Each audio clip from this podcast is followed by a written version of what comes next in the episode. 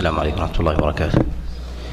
الحمد لله رب العالمين وصلى الله وسلم وبارك على نبينا محمد وعلى آله وأصحابه ومن تبعهم بإحسان إلى يوم الدين. أما بعد نتكلم في هذا المجلس على قول الله عز وجل إن الذين يشترون بعهد الله وأيمانهم ثمنا قليلا.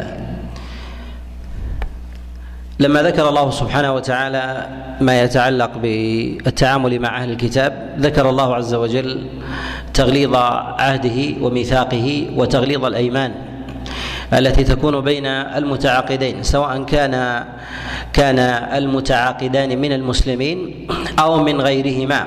والسياق إنما جاء في حال غير المسلمين في حال المسلم في تعامله في تعامله مع مع غير المسلم سواء كان كتابيا أو ليس أو ليس بكتابه. وهنا ذكر الله سبحانه وتعالى الذين يشترون بعهد الله وايمانهم لما ذكر الله عز وجل حال أهل الكتاب من جهة التعامل في الأموال سواء كان ذلك في البيوع أو كان ذلك في القراض.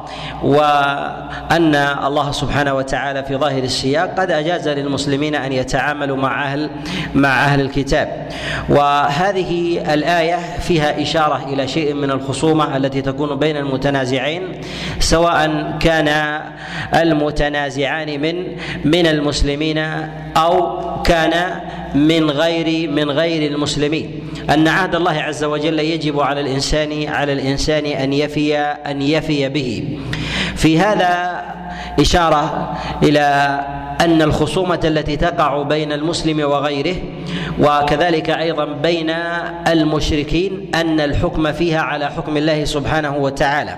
يقضى بذلك بقضاء بقضاء الله عز وجل وهذا ظاهر في غير هذا الموضع كما في قول الله سبحانه وتعالى وأن يحكم بينهم بما أنزل الله يعني فيما يقع بينهم من خصومات وكذلك أيضا من نزاع أو دماء أو حدود مما يرتكبونه فإن فإن القضاء والحكم في ذلك يكون بينهم بما بما أنزل الله جل جل وعلا.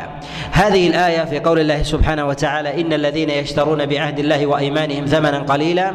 نزلت في الأشعث بن قيس كما جاء في الصحيحين وغيرهما من حديث عبد الله بن مسعود أن الأشعث بن قيس تخاصم هو ويهودي في مال.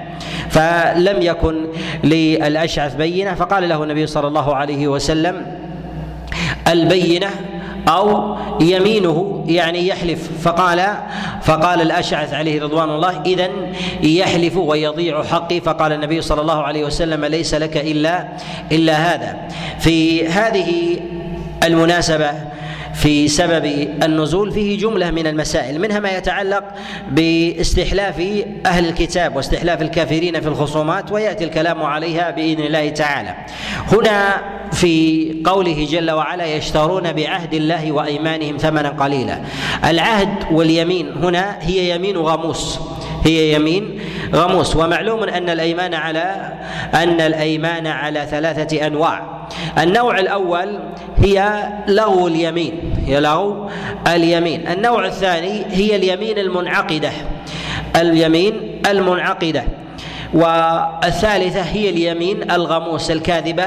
والفرق بين اليمين الغموس واليمين المنعقدة أن اليمين الغموس تكون على شيء ماضي. أن اليمين الغموس تكون على شيء ماض فيحلف الإنسان أنه اشترى السلعة بعشرة وأنه يريد فيها ربحا دينارا واحدا أو درهما أو درهما واحدا. وهذا إذا كان كاذبا فيمينه يمين يمين غموس فهو يريد أن ينفق سلعته بالحلف الكاذب. وكذلك أن يحلف الإنسان أنه فعل شيئا ولم يفعله. فبعظم الأثر في اليمين يعظم الإثم الإثم في ذلك. وأما الكفارة عليها في مسألة كفارة اليمين في اليمين الغموس فقد اختلف العلماء في هذه المسألة على قولين. ذهب جمهور العلماء إلى أن اليمين الغموس لا كفارة فيها. قالوا وذلك أن الله سبحانه وتعالى لما ذكر الأيمان ذكرها على نوعين وما ذكر اليمين الغموس. ذكرها على نوعين ولم يذكر اليمين الغموس. ذكر لغو اليمين وذلك أنه عفو من الله ولا كفارة فيه. لا يؤاخذكم الله باللغو في أيمانكم وتقدم معنا على هذا على هذا الحكم. وأما اليمين الثانية وهي اليمين المنعقدة فالله عز وجل قال ذلك كفارة أيمانكم. إذا حلفتم فإن حلفوا وانعقدت اليمين وحنث حنث الإنسان فيجب عليه أن يكفر أن يكفر عن يمينه. فعلى هذا ذكر الله عز وجل كفارة اليمين في اليمين المنعقدة. وما ذكرها الله سبحانه وتعالى في غير انعقاد اليمين. فحينما ذكر الله عز وجل اليمين الغموس في هذه الآية ذكرها في سياق الوعيد والتشديد فيها وما ذكر الكفارة. إن الذين يشترون بعهد الله وأيمانهم ثمنا قليلا هذا إشارة إشارة إلى الوعيد الذي يلحقهم يلحقهم يوم القيامة. وجاء في ذلك أيضا أحاديث عن رسول الله صلى الله عليه وسلم في التغليظ فيها كما جاء النبي عليه الصلاة والسلام قال من حلف على منبري هذا بيمين هو فيها كاذب فليتبوأ مقعده من النار كما جاء في حديث أبي ذر. وجاء أيضا في حديث عبد الله بن مسعود عليه رضوان الله تعالى في من حلف ليقتطع مال امرئ مسلم. جاء في ذلك من حديث عبد الله بن مسعود وحديث عمران بن حسين. وجاء أيضا من حديث أبي هريرة في اليمين الغموس في بيان الوعيد من غير بيان. من غير بيان الكفارة. وهذا القول الذي ذهب إليه جمهور العلماء وهو قول الإمام مالك وأبي حنيفة وسفيان الثوري وقول الإمام أحمد وأصح ذلك عن عبد الله بن عباس كما رواه ابن جرير الطبري في كتابه التفسير عن علي بن أبي طلحة عن عبد الله بن عباس. وكذلك جاء من حديث أبي العالية رفيع بن مهران عن ابن مسعود أنه قال أن قال اليمين الغموس لا كفارة فيها. اليمين الغموس لا كفارة فيها. وقال بذلك حماد بن سلمة وجماعة وجماعة من السلف. وهذا القول هو القول الأرجح. وهذا القول هو القول الأرجح أن اليمين الغموس لا كفارة فيها. القول الثاني قالوا بالكفارة وهذا قول الإمام الشافعي رحمه الله. وذهب إلى هذا بعض الفقهاء. أيضا كبعض فقهاء الشام كالأوزاعي وذهب إلى هذا أيضا معمر بن راشد الأزدي وهو مروي أيضا عن بعض الفقهاء من السلف مروي عن الحكم بن عتيبة. ولكن عامة الصحابة عليهم رضوان الله وأكثر التابعين يذهبون إلى يذهبون إلى عدم وجوب الكفارة في اليمين الغموس. وهذا وهذا هو الأرجح والأصوب. وذلك أن الله سبحانه وتعالى على ما تقدم ذكر اليمين الغموس في سياق الوعيد يعني أن ذنبها أعظم من أن من أن يكفر بان يكفر بإطعام عشرة مساكين بل يجب على الإنسان أن يتوب وأن يستغفر وأن أيضا أن يستحضر عاقبه فعله فيخاف ويوجل ويكثر أيضا من الطاعات التي تمحو تمحو السيئات.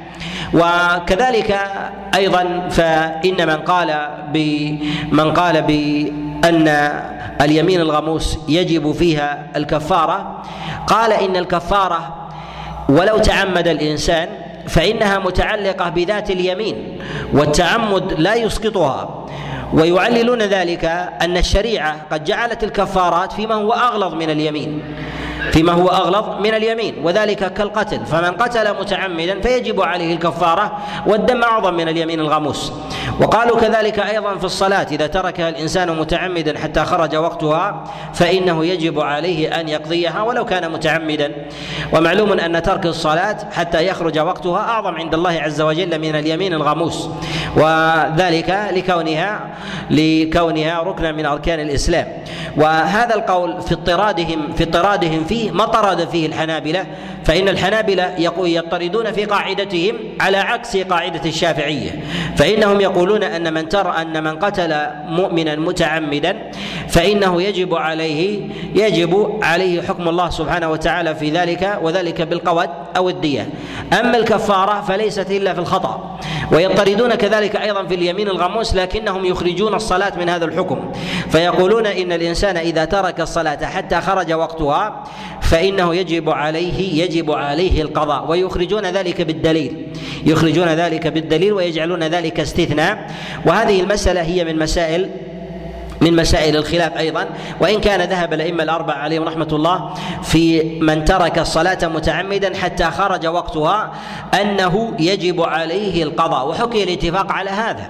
وحكي اتفاق الاتفاق على هذا. وقد حكى بعضهم التشديد في هذه المسألة إلى أنه يجب عليه في هذا في هذا القضاء. هناك بعض السلف وكذلك بعض المحققين من من الخلف قالوا بأن الصلاة إذا ترك الإنسان متعمدا أيضا لا يقضيها جريا على تلك تلك القاعدة لأن الإثم فيها أعظم.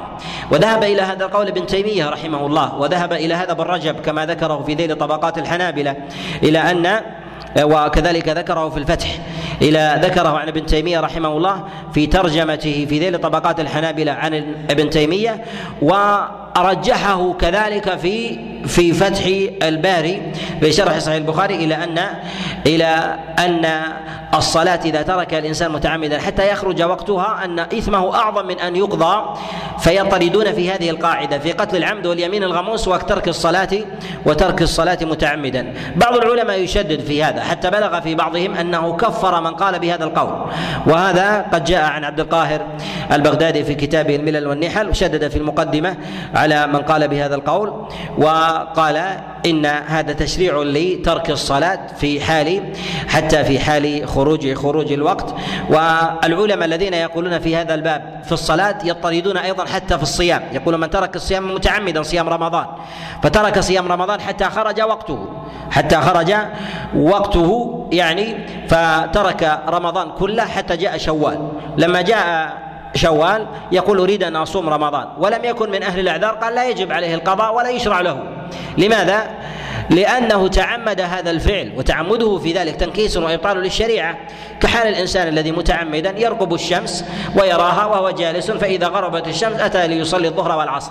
هذا هذا مدعاة إلى تبديل الشريعة. هذا مدعاة إلى تبديل الشريعة. فتأثيمه مع قوله بالقضاء يرون أن هذا فيه تعارض.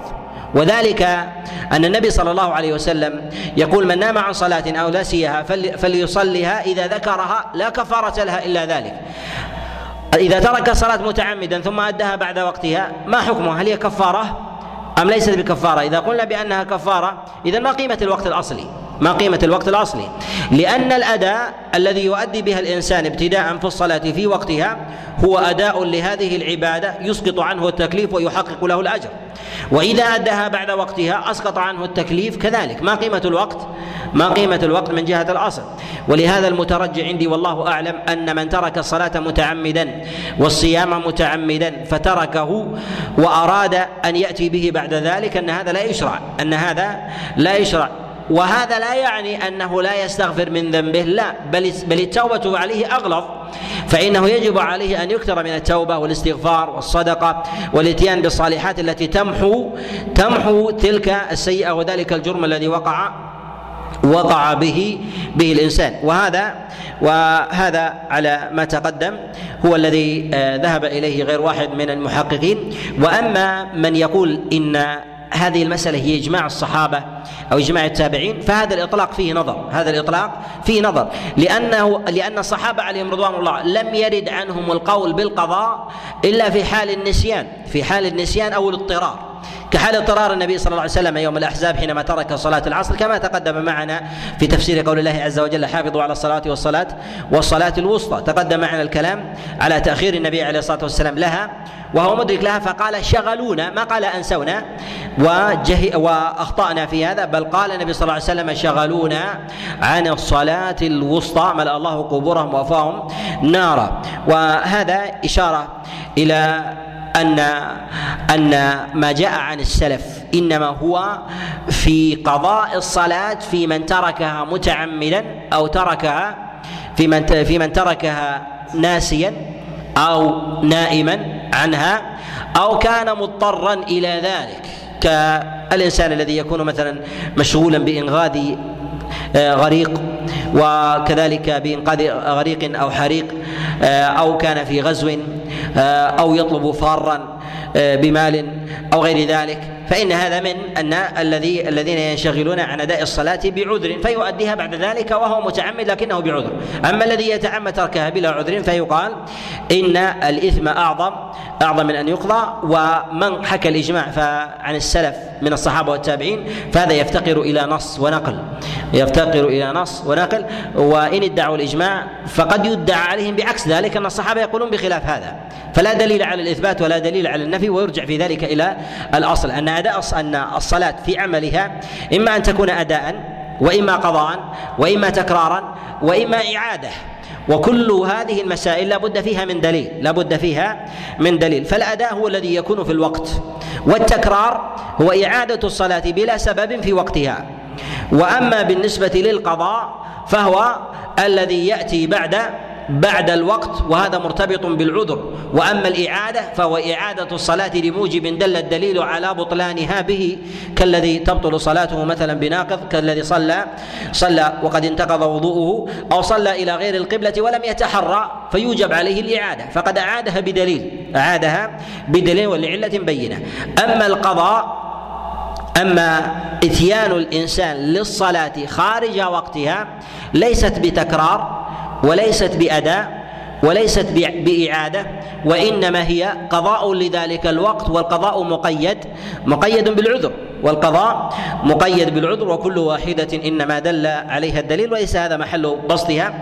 وإنما الكلام هنا على من تعمد على من تعمد ترك على من تعمد اليمين الغموس كاذبا. اليمين اليمين الغموس كاذبا فقال إني اشتريت هذه السلعة بكذا ابتعتها بكذا ودخلي فيها كذا ولا أريد فيها إلا كذا.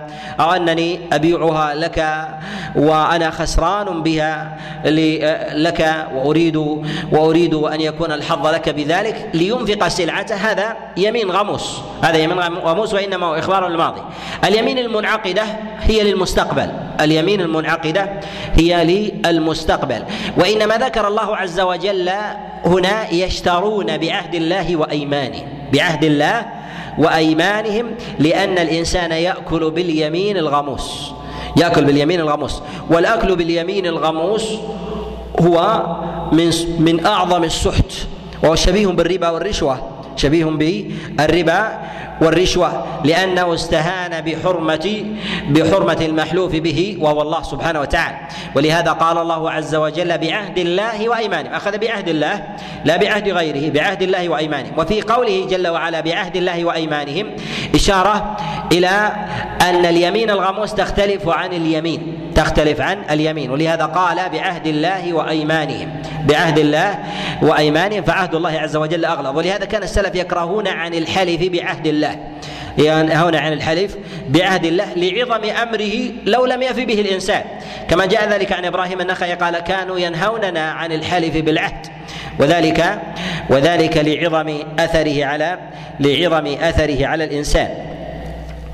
و في قوله سبحانه وتعالى وأيمانهم ثمنا قليلا أولئك لا خلق لهم. إنما ذكر القلة في الثمن آه، يعني أنها مهما بلغت من العطاء ومهما بلغ من مما يكسبه الإنسان إلا أنه يعد قليلا بالنسبة لما يجده الإنسان من عذاب يوم القيامة لعظم الجرم و الاثر والتبعة عليه. فإن أثره على ذا أثره عليه أثره عليه يكون يكون عظيم.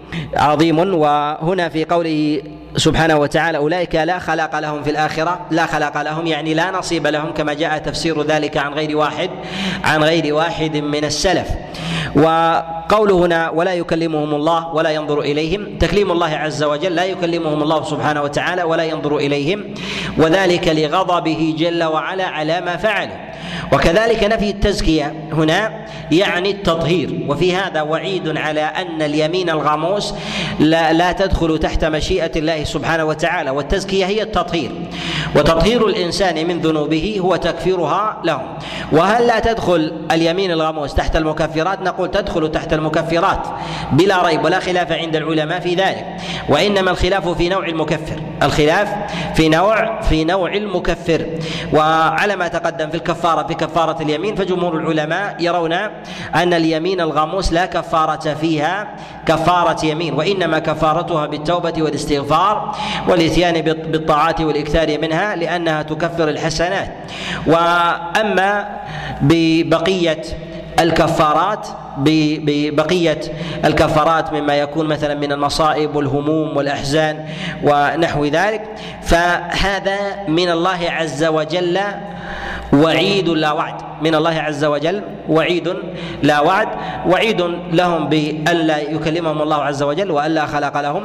وكذلك أيضا لا يزكيهم يعني من ذنوبهم التي هم فيها. ولهذا يقال إن صاحب اليمين الغموس أبعد من التوبة أبعد من أبعد في دخوله تحت مشيئة الله عز وجل من غيره. أبعد من غيره ما لم يتب من نفسه ما لم يتب من من نفسه وقوله جل وعلا ولهم عذاب أليم.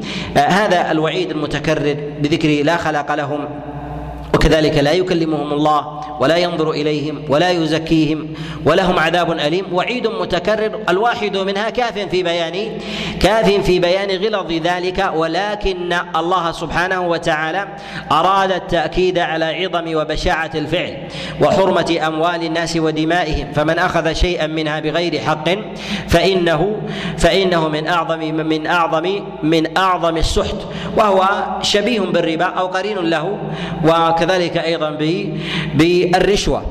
وفي هذه الآية يؤخذ أيضا جملة من المسائل من هذه المسائل أن حكم الحاكم أن حكم الحاكم لا يغير الحق الباطن وإنما يغير وإنما يغير الحق الظاهر ويفصل بين النزاعات وذلك أن النبي صلى الله عليه وسلم كما جاء في الصحيح من حديث أم سلمة أن رسول الله صلى الله عليه وسلم يقول لعل بعضكم ألحن بالحجة من بعض وإنما أقضي بنحو ما أسمع فمن قضيت له بغير حقه فإنما أقضي له قطعة من النار فليأخذ أو ليدع. وفي هذا وعيد شديد لمن قضي له في الظاهر بالأدلة على خلاف الباطن أنه لا يجوز له ذلك. وهذا محل اتفاق عند العلماء. محل اتفاق عند العلماء أن حكم الحاكم أن حكم الحاكم يفصل النزاع الظاهر ولكنه لا يغير الحقيقة الباطنة.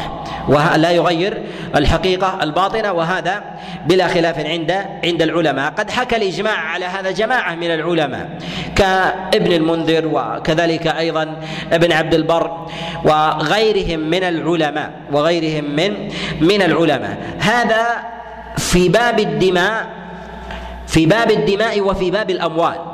وأما أبواب النكاح فقد وقع خلاف عند العلماء فقد وقع خلاف عند العلماء في حكم الحاكم. إذا حكم الحاكم بخلاف الأمر الباطن هل للإنسان أن يستحل فرجا يعلم أن الحاكم قد قضى بخلاف بخلاف الحق؟ فهل له أن يستبيح ذلك أم لا؟ فهذه المسألة قد اختلف فيها العلماء على قولين، ذهب جمهور العلماء إلى أن حكم النكاح كحكم الدماء والأموال. كحكم النكاح كحكم الدماء والأموال. وذهب أبو حنيفة رحمه الله إلى أن العقود إلى أن عقود الأنكحة تختلف عن عقود الأموال وعن الدماء.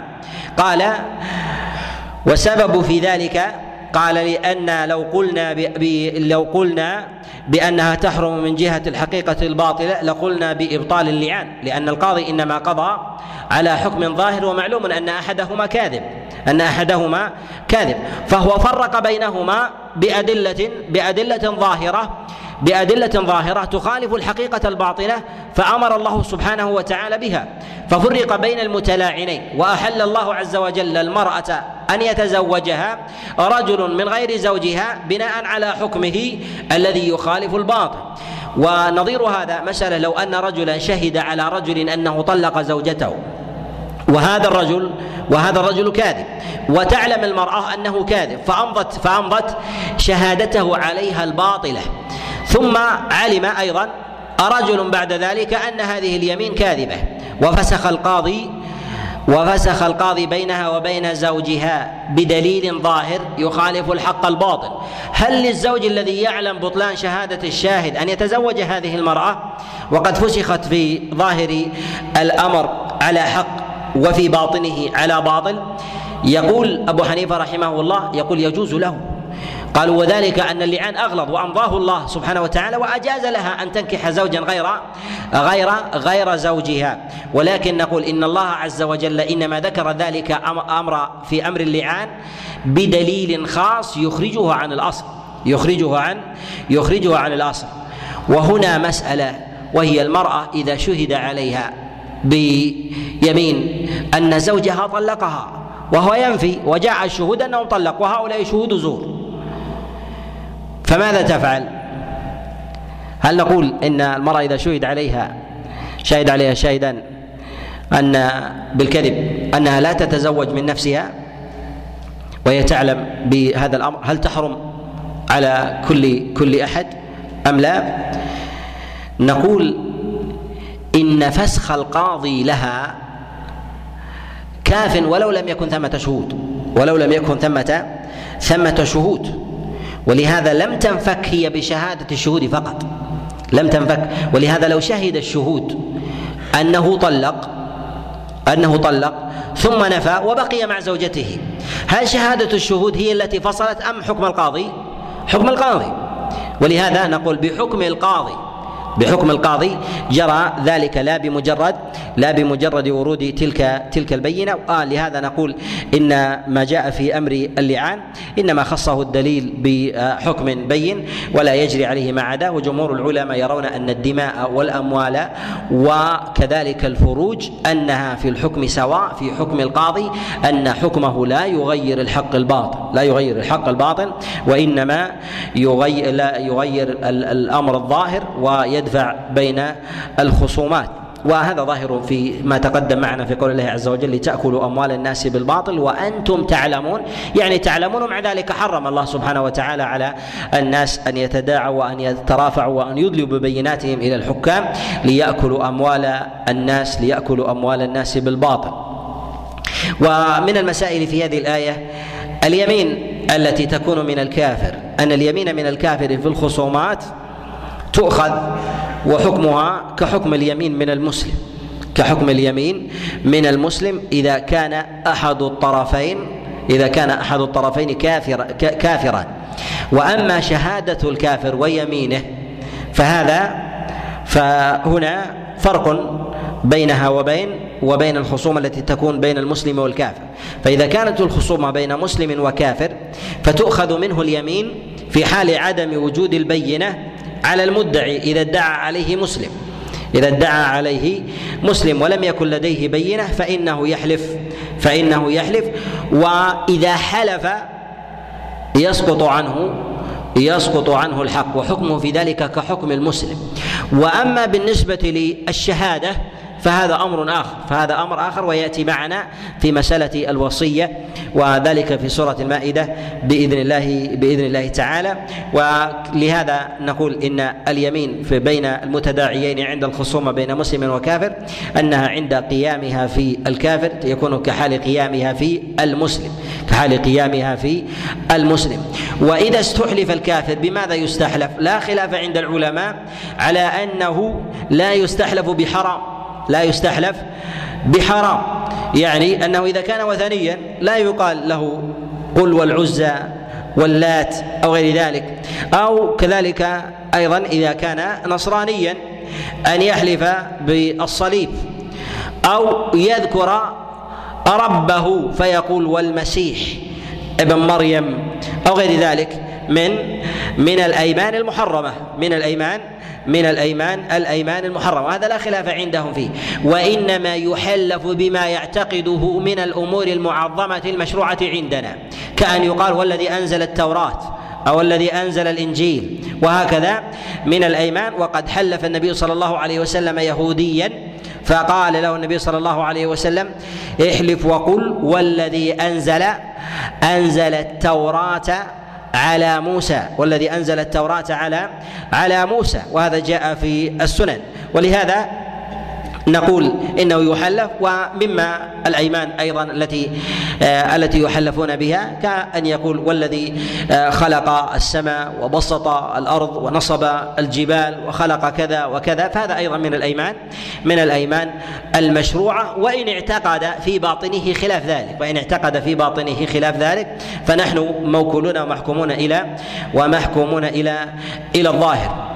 ويمين الكافر في نفسه يمين الكافر في نفسه هل تنعقد ويجب عليه في ذلك الكفارة أم لا؟ اختلف العلماء عليهم رحمة الله تعالى في يمين الكافر على قولين. ذهب جمهور العلماء إلى أنها تنعقد سواء كان الحنث في زمن يمين في زمن كفره أو في زمن إسلامه. فإذا حلف أني لا أفعلن كذا وكذا. فلم يفعل هذا الشيء في زمن الكفر أو في زمن أو زمن الإسلام. نقول ما دام أن اليمين وقعت منه كان معتقدا لها بتعظيمها فالكفارة عليه فالكفارة عليه واجبة. لو سألنا وهو مكون إلى إلى الوفاء بها.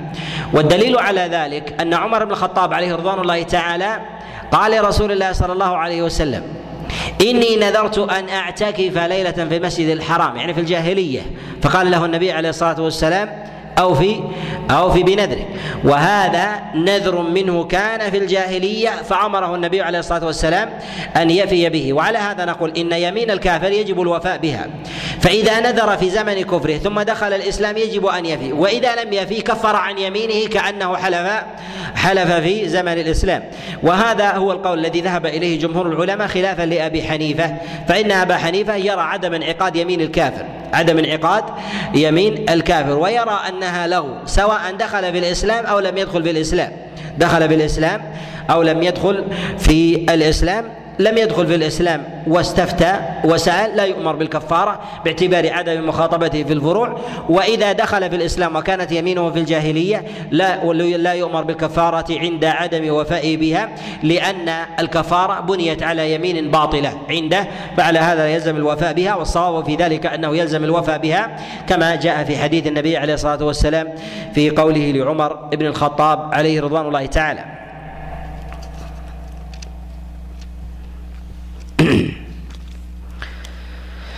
استغفر الله العظيم أستغفر الله أستغفر الله.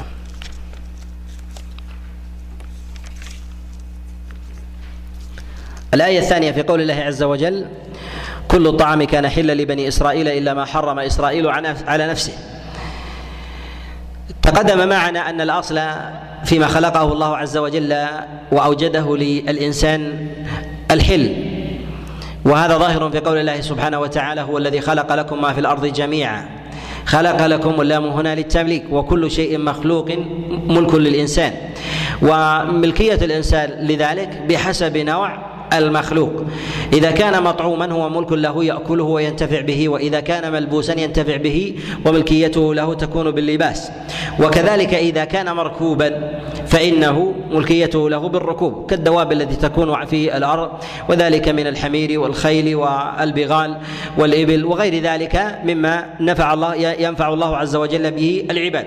فخلق الله عز وجل ذلك للعباد على الحكمة من خلقها على الحكمة من خلقها والمأكولات في ذلك متنوعة كما أوجده الله عز وجل في البحر وما تخرجه الأرض من من نبات وما جعله الله عز وجل يدب ويتناسل في الأرض من بهيمة الأنعام وغيرها مما أحله الله سبحانه وتعالى وكذلك أيضا ما أوجده الله عز وجل مما يخرجه الناس من هذه البهائم مما كان منفصلا منفكا عنها وذلك وذلك من ألبانها وكذلك أبوالها مما أحله الله سبحانه وتعالى للإنسان.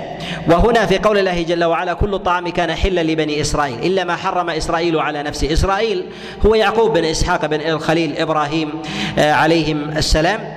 وفي هذه الآية كل الطعام كان حلا لبني إسرائيل إشارة إلى أن الأصل في الأشياء الحل هو في كل شريعة هو في كل شريعة. وأن ما ذكره الله سبحانه وتعالى هنا في حال إسرائيل وهو يعقوب بن إسحاق عليه عليه السلام أنه حرمه على نفسه.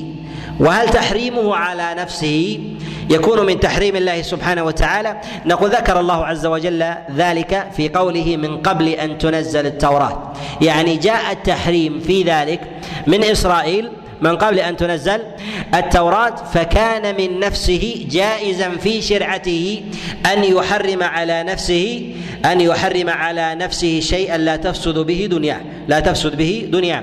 وإنما حرم يعقوب على نفسه لأنه لأنه أصيب بمرض.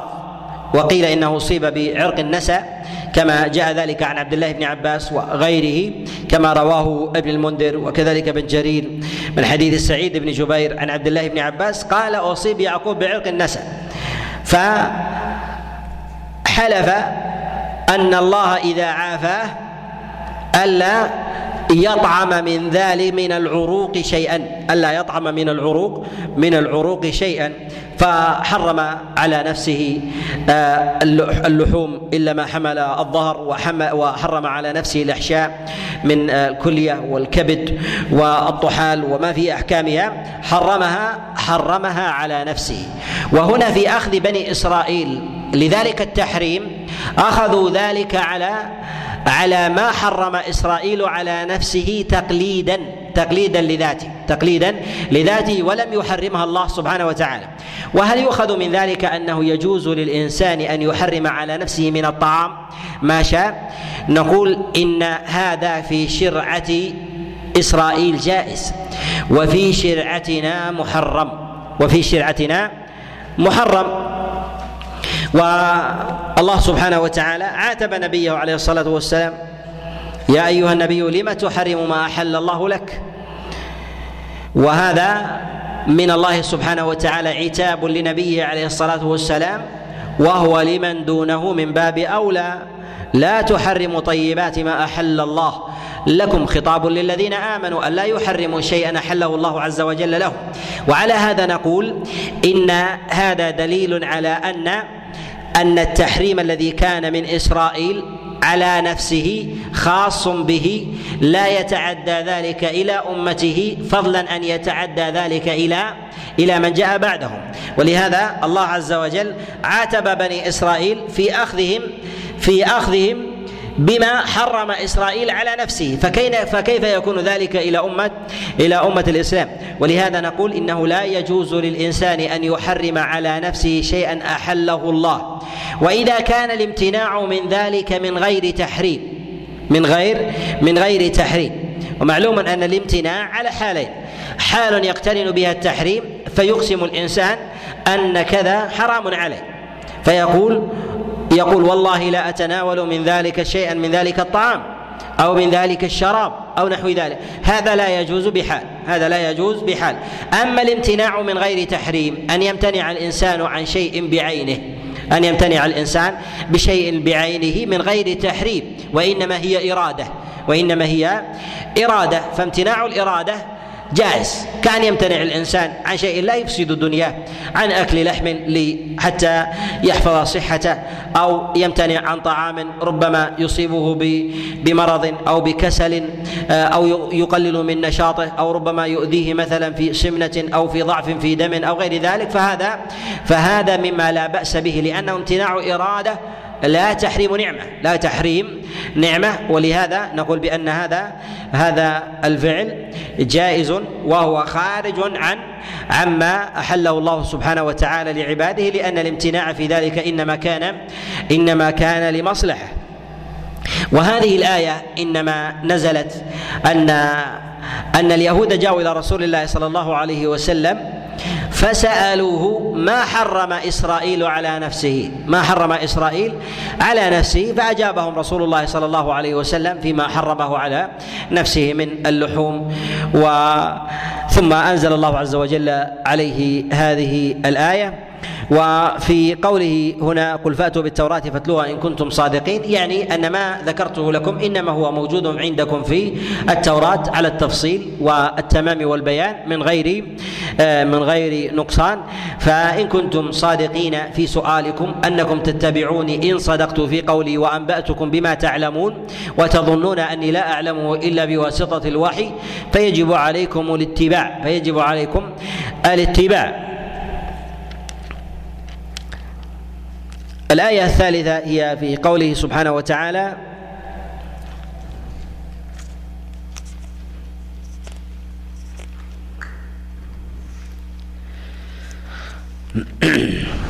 إن أول بيت وضع للناس للذي ببكة مباركا وهدى للعالمين.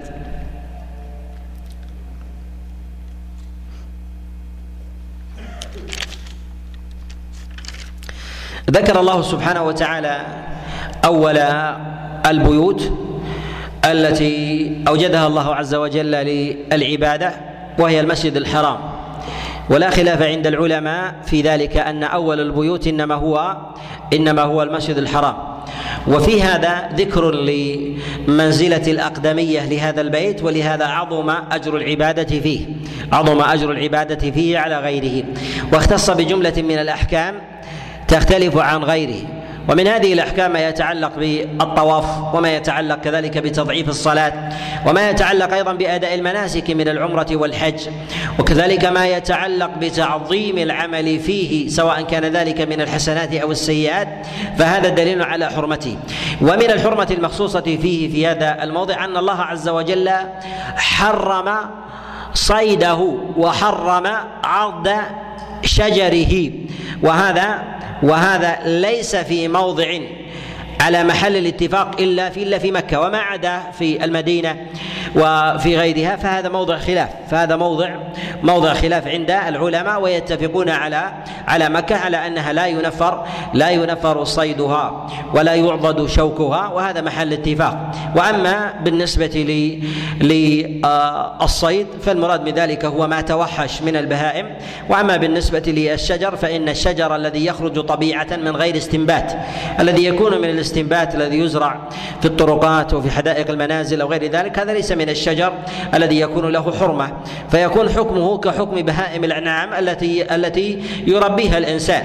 فإذا فإذا ذبح الإنسان شاة في مكة أو بعيرة أو بقرة آه، أو جاء آه، أو دجاجة أو نحو ذلك لا يعد ذلك من الصيد. وهذا حكمه كحكم ما يستنبته من من زرع فإنه لا حرج عليه أن يزيل أو أن يحتطبه ليوقد منه نارا بعدم دخوله في هذا. وهذا كله إنما جاء هذا التفضيل لأن البيت الحرام أول بيت وضع للناس أن البيت الحرام أول بيت وضع للناس ولهذا عظمه الله عز وجل بهذا التعظيم. كذلك أيضا تحريم تحريم حدوده محل اتفاق عند العلماء. محل اتفاق عند العلماء أن ما يتعلق بتضعيف تضعيف العبادة تضعيف العبادة في الحرم هي محل محل آه، خلاف. بعض العلماء يحكي الإجماع على أن التضعيف لا يكون في غير حدود الحرم حتى في المدينة إلا في مسجد النبي عليه الصلاة والسلام ويحكون الإجماع. أما الخلاف فيقول خلاف في خارج مسجد الكعبة ما بين المسجد وحدودها. وقد حكى ذلك ابن حجر رحمه الله. قال الخلاف في حدود حرم مكة لا في حدود حرم غيرها. وذلك في ما يتعلق بالعبادة في المدينة. إذا كان خارج المسجد يحكي الإجماع على عدم على عدم التضعيف وأن التضعيف إنما يكون في مسجد النبي عليه الصلاة والسلام. أما في مسجد مكة هو محل الخلاف هو محل الخلاف وهذا إذا كان في مسجد النبي عليه الصلاة والسلام فإنه أيضا في المسجد الأقصى من باب من باب من باب أولى.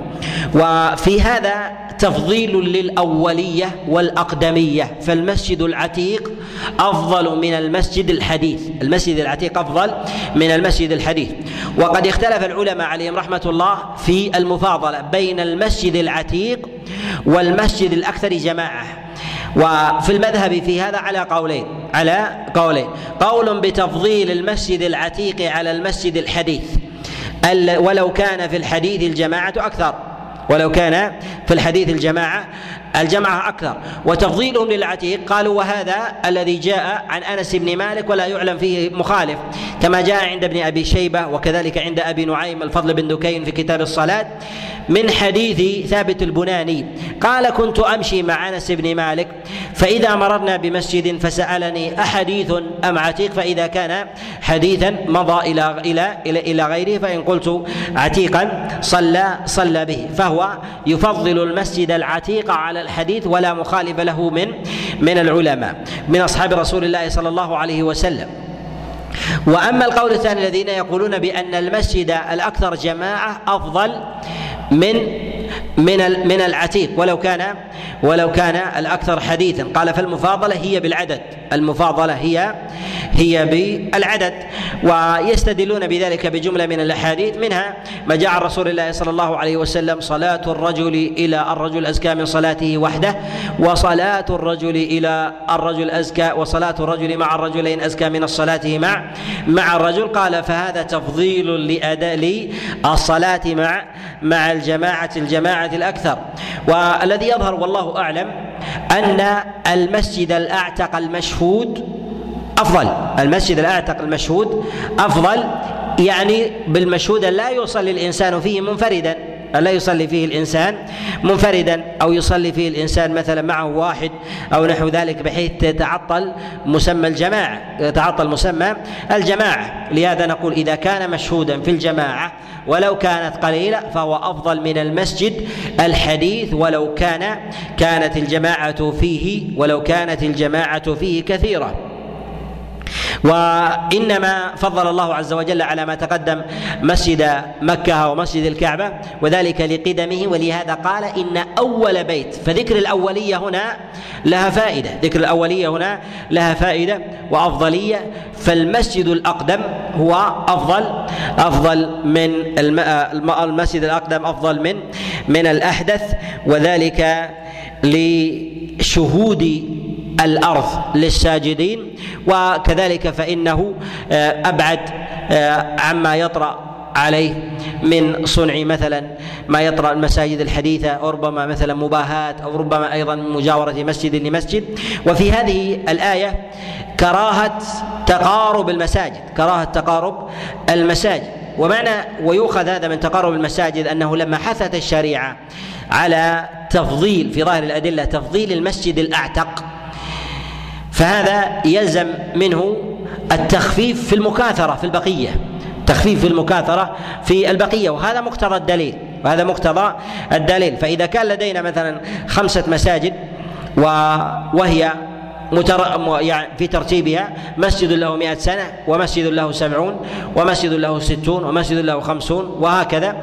إذا قلنا بأن الأعتق أعظم أجرا فلا بد أن يخلو آخرها لا بد أن يخلو في ذلك آخرها. وفي هذا تقليل حث على التقليل ما ما أدى الناس الجماعة ولهذا نقول بأنه يكره تقارب المساجد تقرب تكره تقارب المساجد والعلة في ذلك أن تقارب المساجد يؤدي إلى إلى اختلاف الجماعات و ابتعاد ابتعاد الناس عن بعضهم وكذلك أيضا ربما فيه مندوحة لقطيعة الرحم وكذلك النزاع بين أهل الجوار.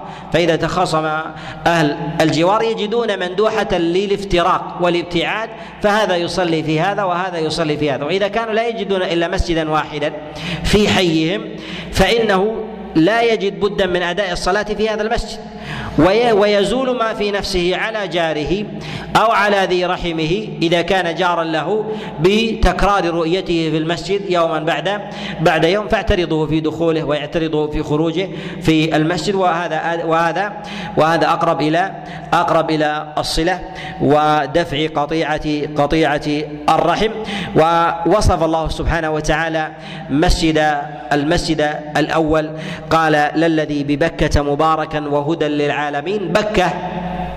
وبكة مراد بها قيل تبك الجبال تبك الجبال ويعني تتوسط الجبال وتفصل بينها سواء كان ذلك من بنائها وأهلها أو كان ذلك من عمارها ممن يريدون إليها. وقيل إن بكة يبك الرجل المرأة. يعني أنه يقطع الرجل المرأة والمرأة الرجل يتداخلون في في سيرهم و وطوافهم وكذلك أيضا في صفوفهم وهنا مسألة وهي أن السترة في المسجد الحرام يخفف فيها عن غيرها يخفف فيها عن غيرها لماذا؟ لكثرة الناس والمشقة والمشقة في في وضع في وضع آه، الإنسان سترة بينه وبين بين من يمر. لأن الطواف كثر فإذا كل مصل وضع سترة يجد من ذلك كلفة يجد من ذلك كلفة. إما كلفة في المصلي أو كلفة في الطائف أو كلفة في الطائف. وقد اختلف العلماء عليهم رحمة الله تعالى في الترخيص في هذا. ترجم البخاري رحمه الله في كتابه الصحيح قال باب السترة في مكة وغيرها. قال ابن حجر رحمه الله يريد بذلك تضعيف حديث المطلب بن أبي وداع عن ابي عن جده أن رسول الله صلى الله عليه وسلم كان يطوف عند البيت والرجال والنساء يمرون من بين يديه لا يسترهم منه شيء. وهذا الحديث ضعيف هذا الحديث ضعيف. العمدة في هذا العمدة في هذا على الآثار. العمدة في هذا على الآثار. ذكر من جرير الطبري عليه رحمة الله في كتابه التفسير في عند قول الله عز وجل إن اول إن أول بيت وضع للناس للذي ببكة مباركا. قال ببكة يبك الرجل المرأة. قال قتادة يبك الرجل المرأة والمرأة الرجل. تصلي المرأة أمام الرجل ويصلي الرجل أمام المرأة. يعني يخفف في هذا في مسألة الصفوف ويخفف في هذا في مسألة السترة ويخفف في هذا في مسألة قطع المرأة لصلاة الرجل قطع المرأة لصلاة الرجل. وقد جاء عن أبي جعفر بإسناده الصحيح أنه أنه رأى رجلا يصلي ومرت امرأة من بين يديه فقيل له قد قطعت صلاتك فقال إنها بكة. تبك المرأة الرجل والرجل المرأة. ويعني هذا لاختصاص اختصاص مكة. وذكر ابن تيمية رحمه الله إلى أن السترة بمكة يعني عند البيت يخفف بها عن غيرها من المواضع. يخفف بها عن غيرها من المواضع. وكذلك أيضا بالنسبة للصفوف. بالنسبة للصفوف. إذا صف النساء أمام الرجال وذلك أنهم يطوفون ثم تقام الصلاة. تقام الصلاة. لا يختلف العلماء على أنه يتأكد أن تكون المرأة خلف الرجال. أن تتأكد أن تكون المرأة خلف خلف الرجال. ولكن لو قامت الصفوف ووجد من النساء من هي أمام الرجال. من هي أمام الرجال؟ صحت صلاتها وصلاته. صحت صلاتها وصلاته. جاء ذلك عن عبد الله بن عمر. جاء ذلك عن عبد الله بن عمر في مكة خاصة.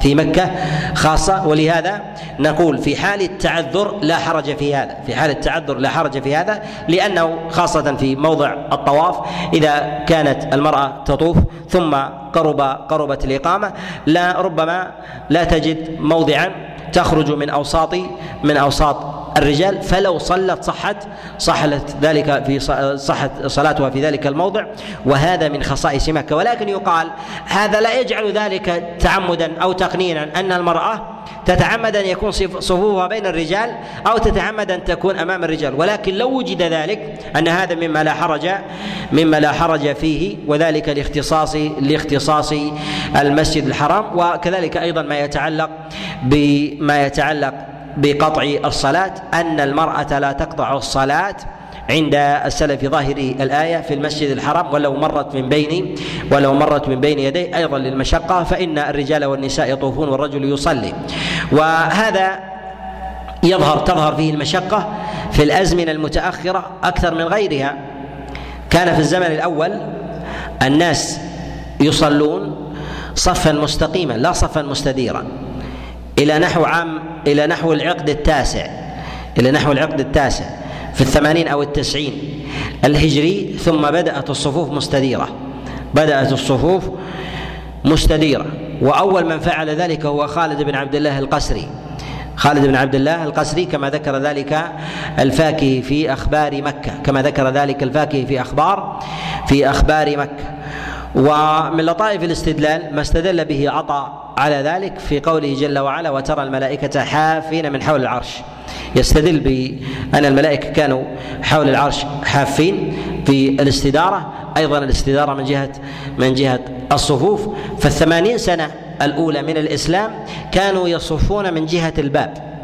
من جهة الباب من جهة الحجر من جهة حجر إسماعيل من أقصاه إلى الباب. فإذا وصلوا إلى الباب عن صوب الكعبة بدأ الصف الثاني ثم الثالث حتى يصلون إلى حتى يصلون إلى المسعى حتى يصلون إلى المسعى لا يحيطون لا يحيطون بالكعبة. ثم لما كثر الناس وشق عليهم بدأوا بمسألة الاستدارة ثم أصبحت أمرا ثم أصبحت أمرا سائدا ويجعلون المنفرد يصلي في أي ناحية. وأما الجماعة فلا يصلون إلا من جهة الباب. ولهذا نقول إن الصلاة من جهة الباب أفضل من الصلاة من غيره. الصلاة من غيره لأنها فعل النبي عليه الصلاة والسلام والصحابة. فعل النبي عليه الصلاة والسلام والصحابة. فإذا أراد المنفرد أن يصلي أو أراد جماعة نقول له الأفضل في مثل هذا الموضع. ولهذا جعل الله عز وجل الصلاة في ركعتي الطواف خلف مقام إبراهيم خلف مقام إبراهيم وهو من تلك من تلك الناحية كذلك. فيجمع بين الاقتداء بالنبي عليه الصلاة والسلام وكذلك أيضا في أصحابه عليهم رضوان الله تعالى. وأما من جهة آه، صحة الصلاة وسلامتها فلا يختلف العلماء عليهم رحمة الله في سلامتها من أي جهة صلى الإنسان وتحققه أيضا لاجر لأجر التضعيف.